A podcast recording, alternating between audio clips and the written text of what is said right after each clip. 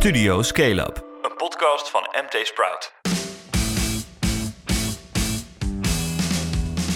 Dit is Studio Scale-up, de wekelijkse podcast van MT Sprout over startups, scale-ups en de incidentele fuck-ups. Mijn naam is Philip Butos en tegenover mij staat co-host Herwin Tolen. Ja, hoi Flip, daar ben ik weer. En je hebt het zo goed gedaan vorige keer. Echt kilo's fanbeeld kwamen er. Ongelooflijk, ik was hier bijna niet geweest. Ik kreeg Echt, de hè? voordeur gewoon niet open. Jongen, jongen, ja, moeten mensen hier echt van straat sleuren. Want eh, nee, maar het ging hartstikke goed. Ehm, waar moeten we deze keer over hebben? Eh, De quote 500, die is, eh, die is weer Oh ja. uit. Lekker. En de rijklijst staat gelukkig niet alleen vol met eh, bakstenenschuivers en autohandelaren. eh, maar ook mooie Sprout-ondernemers, start-ups en scale-ups. En we zijn dus benieuwd wie de grootste winnaars en verliezers zijn. Dat gaan we dadelijk horen. Ik heb nog een fuck-upje voor je. Heel jammer fuck-upje. Maar eerst even snel het nieuws rond startups en scale-ups.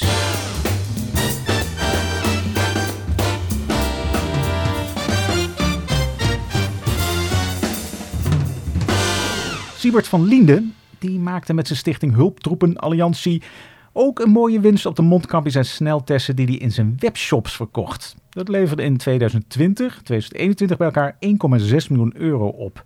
Nou, die cijfers die haalt NRC gewoon uit het jaarverslag dat de stichting heeft gedeponeerd bij de KVK. Inmiddels zijn Siebert en Friends geen bestuurder meer bij de stichting en voert een advocaat het beheer over die stichting. En ja, die deponeert dus keurig blijkbaar. En ik zag nog dat eh, de helft van die 40 miljoen mondkapjes die hij heeft, eh, naar Nederland heeft gehaald, dat die inmiddels over de datum zijn. Oh ja, die overheidsdingen. En zijn BMW staat te koop. Oh ja, ja, die staat bij dienstdomeinen. Moet je even kijken. Mooi dingetje. Niet van een oud dametje geweest, wel weinig gereden. En hij zegt zelf trouwens op Twitter van ja, ik kan het toch niet rijden. Door verlamming. Dat is dan minder goed nieuws. Nou ja, Dan Elon Musk. Die is druk bezig met Twitter en dat leverde deze week een hele hoop berichten op. Hij zet een team onder druk om zo snel mogelijk te regelen dat gebruikers voortaan 20 dollar voor een blauw vinkje kunnen betalen. En dat nadat hij bijna de hele top heeft ontslagen. Ja. Eh, en hij werkt nu ook de lagere regionen af in het bedrijf en zet daar eh, voor zijn eigen mannetjes neer. Eh, onder meer het team dat bij Tesla verantwoordelijk is voor de autopilot gaat nu voor Twitter zijn magie doen. zo. Hey, die 20 dollar, dat blijkt trouwens onhandelbaar. Hè? Dat blauw vinkje krijg je als je een echte approved account hebt. Misschien krijg je meer voor het abonnement. Maar Stephen King, die klaagde, beroemde horrorschrijver, die klaagde op Twitter. En Elon kwam er meteen overheen van, nou, wat vind je van 8 dollar? Dus het is gewoon een handje klap over wat we straks gaan betalen voor Twitter. Man, man, man. Tot slot Wesley de Kruijf en Ilse Vonk, die trekken de stekker uit Anyways, de start-up waarmee ze een auto-abonnement van de grond probeerden te krijgen. Dat maakten ze bekend op LinkedIn. Het is niet gelukt om een nieuwe investeringsronde op tijd te closen, zeggen ze. En de uitdagingen aan de aanbodkant waren te groot. Een poging om Anyways onder te brengen bij een andere partij is ook niet gelukt. Super jammer, want Anyways stond begin dit jaar nog in die finale van MT Sprout Startup van het jaar. En ze hadden vele bekende angels als aandeelhouder, waaronder Nalde van WeTransfer en Job van der Voort, bekend van Remote. Ja, zonde. Ze hadden een sterke pitch. Maar ja, er is ook niet aan auto's te komen. Hè? Dat, dat gaat wel wat beter, maar jammer. Oké, op naar nieuwe avonturen. Ehm, funding. Is er nog funding opgehaald deze week? Natuurlijk, ehm Contentu, we moesten even opzoeken op YouTube hoe je het nu uitspreekt. Contentu. Contentu heeft 5 miljoen euro opgehaald bij 30 Angels via No Such Ventures, de club van Reinder Lubbers, die deal by deal investeert. De investering wordt door het freelance platform gebruikt voor het doorzetten van de Europese expansie. Ah, leuk. Die Reinder die zit in de jury van de Challenger 50. 17 november gaan we pitchen met drie finalisten. Dus eh Reinder, als je luistert, we zijn er klaar voor bijna. En dan Thomas Bunnik en Evelien Remmels. Die hebben ook 5 miljoen opgehaald voor Woppa. Hun marktplaats voor tweedehands kunst en design. Ze gaan lekker opschalen in Nederland, België en Duitsland. En ze willen ook uitbreiden naar Frankrijk en Italië. En dan het Eindhovense Accelera AI. Dat heeft 27 miljoen euro opgehaald om zijn chip voor kunstmatige intelligentie verder te ontwikkelen. Dingen worden ingebouwd in allerlei soorten apparaten. En Accelera komt trouwens voort uit het bedrijf Bitfury, dat chips ontwikkelt om cryptomunten te delven. Ah, hardware. Wij snappen er niet veel van, maar het is wel super cool, toch? 27 miljoen voor een chip die de wereld gaat verbeteren, dat hopen we dan maar. Komt goed. Oké, snel door naar het main topic. De Quote 500 is eigenlijk de ranglijst in de eredivisie van het ondernemerschap. En ja, waar winnaars zijn, zijn ook verliezers. En ja, de grootste Jitse Groen dit jaar. Ik ben eigenlijk wel verbaasd dat hij er nog op staat. Want het is een daling van 76,3 procent. Ja, zelden hebben we iemand die zo hard naar beneden gaat even goed nog op de quote 500 gezien. De val is even goed hard. Hij was ooit 1,2 miljard waard vorig jaar en nu slechts minder dan 300 miljoen. En de pijldatum is natuurlijk 1 augustus. Als we op dit moment, half oktober, eh, de pijlstok erin zouden steken, wordt hij nog minder waard. Dus uh, mag blij zijn dat hij er nog in staat. Je hoort de quote-redacteur Tom Wouda en zijn chef, Paul van Riesen, hoofdredacteur, over de nieuwste quote 500, de jaarlijkse rijkenlijst die deze week uitkwam. En ja, Jitse Groen, die liep een flinke scheur in zijn broek op. Maar er zijn meer verliezers en gelukkig ook winnaars onder de echte start-up en scale-up ondernemers die tussen al die vastgoedboeren en metaalhandelaren staan in die rijke lijst. We hebben even doorgenomen. In vogelvlucht, Herwin, ehm, is dit nou een goed jaar in de, de 26-jarige geschiedenis van de Q500 qua geld? Nou, best wel. Uh, de rijken zijn er met z'n allen weer bijna 5% op vooruit gegaan. Uh, in totaal zijn de 500 mensen uh, 230 miljard waard. Ja, dat is iets meer dan Elon is eentje, zeg maar. Ja, zeker. Het aantal miljardairs uh, ligt dit jaar op 47. en de ondergrens is gestegen van 110 miljoen ja. naar 120 miljoen oh, euro. En wie, wie haalde nou de lat, zeg maar? Wie is, wie is nummer 500? Ja, die kennen we allemaal wel. Dat is Max Verstappen. Oh, natuurlijk. Met dank aan zijn uh, woning in Monaco, waardoor hij geen belasting betaalt. Oh, precies. Ja, nee, anders had hij uh, op nummer 1000 gestaan. Jongen, jongen. En uh, de absolute top tussen nummers 1, 2 en 3, heb je die bij hand? Ja, daar is niet veel in veranderd. dat, is, dat is bijna allemaal oud geld. Dat is oud geld. Ja. Charlene de Cavallo Heineken staat op 1, zoals eigenlijk altijd. Ralf Zonneberg op 2 en Frits Goldsmeding op 3. En ik zag uh, die Charlene, die, die heeft dan 12,8 miljard. Ik heb even de Forbes Rich List, waar dan Elon bovenaan staat, erbij gepakt. Dan sta je ongeveer op nummer 150 van de wereld. Hè? Dat is de, de Forbes, ja, dat zijn de rijkste miljardairs van de wereld. Maar ja, niet slecht. Maar goed, daar staan ze al eeuwen, hè? Is er nog een andere usual suspect? Um, bijvoorbeeld John de Mol, zet hij ook nog bovenin? Uh, op plek 22, pas. Oh, oh dat Met een lousy 2 miljard. Nou ja, Hey, maar veel interessanter vinden wij natuurlijk die MT Sprout ondernemers, hè, de echte start-ups, scale-ups. Um, waar, waar komen we eigenlijk de eerste tegen in de lijst? Op plek 6, dat is uh, Adriaan Mol met een ah. vermogen van 3,5 miljard euro. Hetzelfde als vorig jaar. Ja, zat er vorig jaar ook, hè? Ja. ja. ja. En, uh, mm. en op plek 39 vinden we dan uh, een bekende van Mol. Dat is uh, Robert Vis van, van MessageBird. Ja, ja, zijn compagnon. Maar ja, goed, met hem heeft hij MessageBird opgericht. En Mol zelf, die heeft ook nog profijt van, van Molly zelf. Dus die... Even kijken, Vis is 1,3 miljard. Adriaan Mol, ruim het dubbele. Cool. Wat me ook opviel, dat is ook een beetje een vaste waarde geworden, die quote 500, is natuurlijk Etienne. Etienne heeft ook heel veel miljardairs opgeleverd. Uh, ik zag uh, natuurlijk de broertjes Schuif, Arnold Schuif, Joost Schuif. Uh, Arnold staat aan de hoogste, die heeft blijkbaar het grootste pakket, 2,9 miljard. Natuurlijk Pieter van der Does. En ook, het zijn wel acht, negen mensen. Opvallend is natuurlijk Mabel, die heeft... Um, geen miljard, 680 miljoen, die staat er bij 68. Dus Etienne is ook heel vruchtbaar geweest voor een groepje, groepje miljardairs. Dus dat zijn de bekende namen, Etienne, Molly. Hebben we nog nieuwe namen gezien onder de miljardairs, de echte tech-miljardairs, zou ik maar zeggen? Ja, Jouk Pleiter staat op uh, nummer 14. Dat is de oprichter van Backbase. Hij was uh, onlangs nog het gast hier ja. voor, uh, voor How I Did It, waarin hij vertelde hoe, hoe hij zijn bedrijf opschaalde. Nou ja, altijd bescheiden gebleven. Ja. Nee, supergoeie ondernemer. Maar die is nu ineens 2,5 miljard waard, omdat hij dit jaar uh, de investeerder heeft aangetrokken, toch? Voor het eerst eigenlijk. Ja, en hij is uh, nu ineens een unicorn. Dus uh, mag hij ook in de quote 500 plaatsnemen. Iets, iets jonger unicorntje, uh, Sitsi Brandi, hè? Van, um... van GitLab, vorig jaar naar de beurs. GitLab, yes. Begon GitLab op een studentenkamer in Utrecht samen met een Oekraïense compagnon. En uh, is nu anderhalf miljard euro waard volgens de quote 500. Hopla, dat is een plus 400 procent. Vier keer zoveel waard geworden. Jeetje, Ali Nicknam, mogen we ook nog noemen. Echt sprout-miljardair, 1,6 miljard. Leuk hoor, leuk. Maar goed, winnaars. Als er winnaars zijn, zijn er ook verliezers. Wie is dan de opvallende verliezer? Dat hebben we al weggegeven, maar leg even uit. Jitse Groen. Ja, uh, onder de miljardairs uh, is er bijna geen grotere verliezer. Uh, hij is gedaald van plek 34 naar 175. Oh. Nog steeds met een vermogen van 285 miljoen euro. Dus ja, op een houtje bijten, dat hoeft hij niet. Ja. Uh, maar en het is natuurlijk ook alleen op papier, daarom, dat daarom. vermogen. Hij heeft er niet cash in huis liggen, zoals bepaalde andere topmannen. Sorry Frits. Maar goed, hij is geen miljardair meer. En hoe komt dat dan? Eigenlijk alleen door de beurskoers van Just Eat Takeaway, die enorm is gekelderd.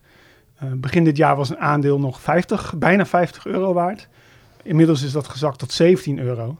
En als je dat vergelijkt met, uh, met het hoogtepunt van de coronapandemie, de zomer van 2020, toen tikte een aandeel nog Ah. bijna de 100 euro aan. Ja, disclaimer. Ik, ik heb ze en eh, weet je, het kost mij geen miljard of zo. Het was echt spielerij, maar man, wat, wat, eh, wat een pijn wordt er geleden. Ja.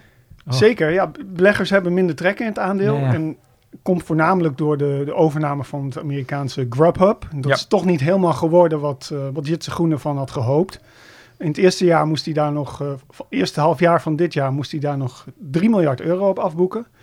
Eh, en met name de activistische aandeelhouder CatchRock heeft zich flink geroerd.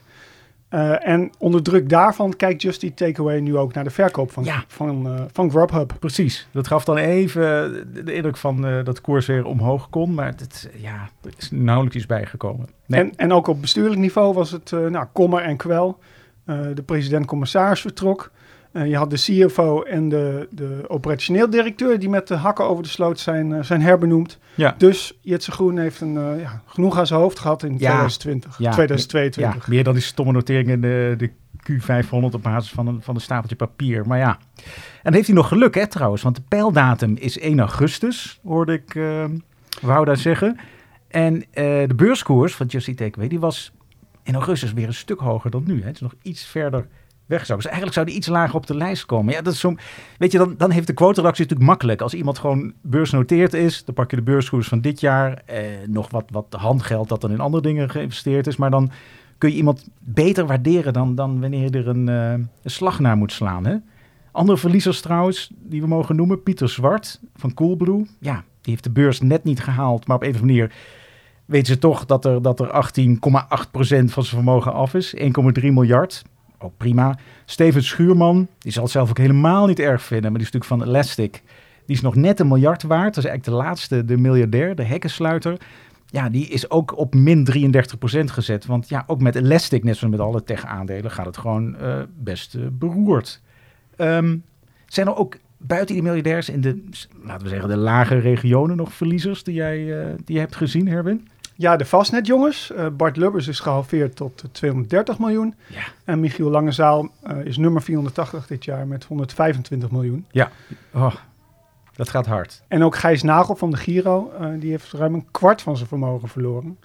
En daar is nu nog 135 miljoen van over. Oh ja, dat is, ja, dat is wel grappig. Kijk, hij heeft deels verzilverd, maar zijn drie medeoprichters, hè, ze hebben verkocht aan Flatex, die Duitsers. Nou, Gijs heeft verzilverd, dus een deel veiliggesteld. Denkt quote dan, denk ik ook hoor. Maar die andere oprichters, drie kerels, um, die zitten nog volledig in Flatex. Dus die zijn echt uh, ook bijna gehalveerd of zo, omdat Flatex het ook niet zo goed doet op de beurs. Nou ja, weet je, uh, Gijs vindt het niet erg, uh, Steven Schuurman vindt het niet erg. Het is, het is maar papier en, en, weet je, ook als je naar de beurs gaat, je gaat ook niet ervan uit van, oh ja, nu ben ik miljardair. Nee, ik denk dat je wat geld veilig stelt voor jezelf en je kinderen, je kleinkinderen misschien. En daarna zie je wel uh, wat er gebeurt. Ook leuk nieuwkomers. Wie zijn de nieuwkomers? Onder meer Peter Bijveld van uh, elektrische bussenmaker Ebusco. Uh, die staat op plek 95 met 480 miljoen. Ja, goed gedaan Peter. En trouwens, in het Kielzog ook, um, dat zijn zijn, zijn neven of zo. De zonen van Joep van de Nieuwenhuizen, kijk die nog. Die, uh, die liften ook mee, die zijn ook aandeelhouders. Dus die staan er ook in de, in de lijst, superleuk. En ook out of the blue, Arjan Bakker op nummer 222 met 230 miljoen.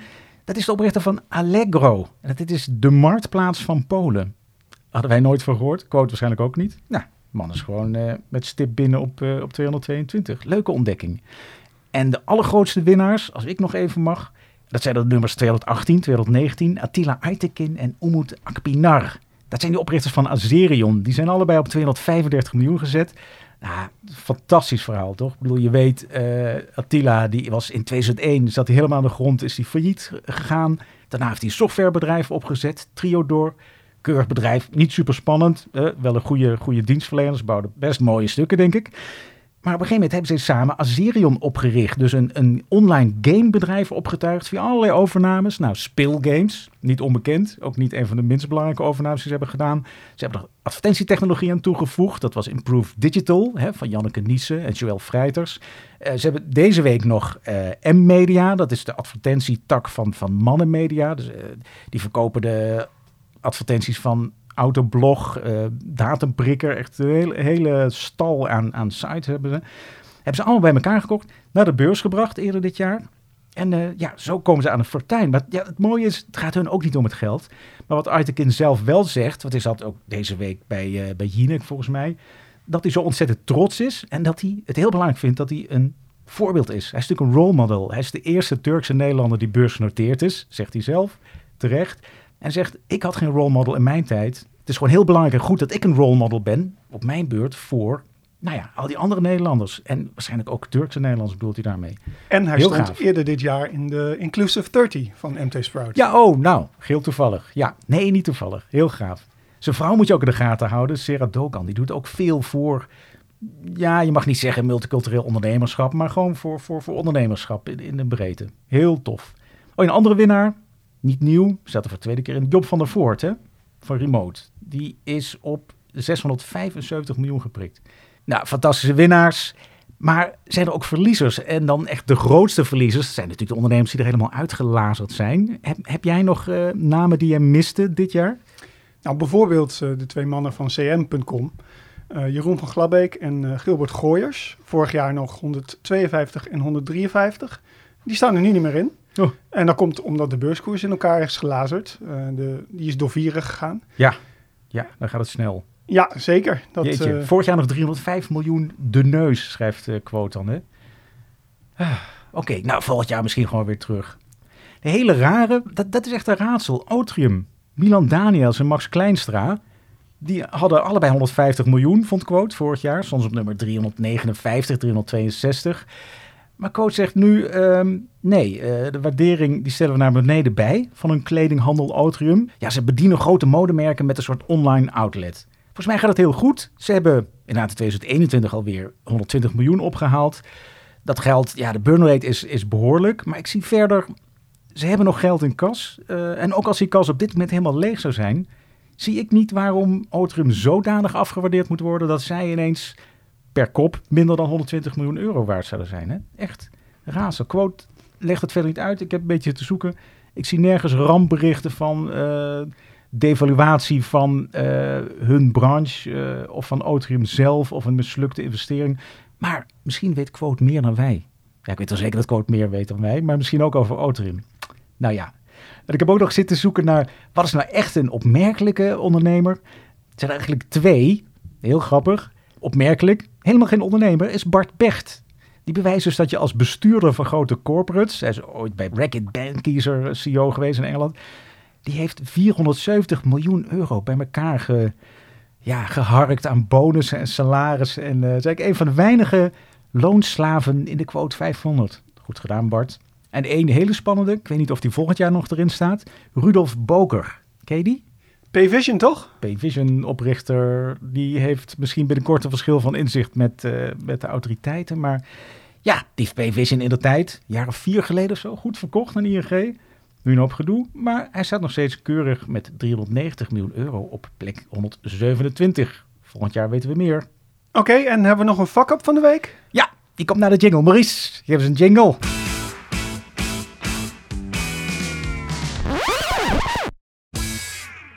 Dankjewel, Maurice. Oh, en je mag nog een keer, Maurice. Laat eens even deze horen.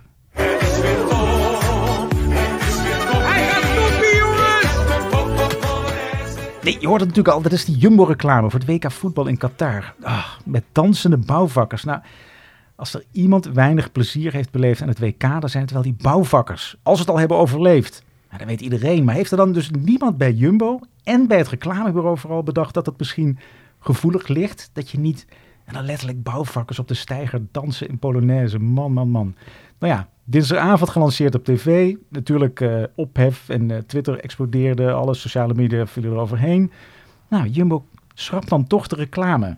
Al trouwens, jij zag hem gisteravond nog wel, hè? Woensdagavond was hij er nog op tv? Hij was nog op tv te zien, ja. Man, man, man. Nou ja, uit in Qatar, altijd lastig. Andere ondernemers, grote supermarkten zeker, die zijn wat voorzichtiger. Lidl heeft uh, begin dit jaar al gezegd, het voorjaar gezegd van we doen niks aan Qatar, want niet kies. Heel goed. Uh, ING, grote sponsor van Oranje, die reist niet af naar Qatar met klanten. En wat is de les dan? Ja, pas op met inhakers en sowieso pas op met grappig zijn. Mijn oude chef die zei altijd, met humor, Flip, moet je heel erg uitkijken. Meestal is je grap niet leuk, ook al denk je dat van wel. En anders begrijpen lezers hem toch niet. Dit was Studio Scale-up, aflevering 65. We hopen dat die je bevalt. Vergeet je dus niet te abonneren op Spotify of je favoriete podcast-app. Voor feedback of schaamteloze zelfpromotie, philip.mtsprout.nl. Hermin, bedankt dat je er weer was. Op naar nieuwe fanmail. Maar oh ja, maar voordat je de post weer open gaat maken...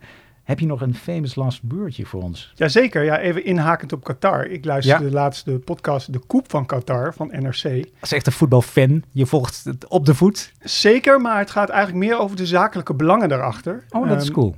De Qatar is namelijk al meer dan 20 jaar bezig om dit WK binnen te halen. En Ja. de, de podcast kijkt ook breder naar hoe het Midden-Oosten hun invloed op het voetbal heeft vergroot. Dus echt een heel inzichtelijk inkijkje voordat je straks eh, in december, of eind november op de bank ploft in je Ja. oranje tenue. Ja, sorry, ik was al geen fan, maar nu, nu nog minder. Sorry hoor. Tot de volgende keer.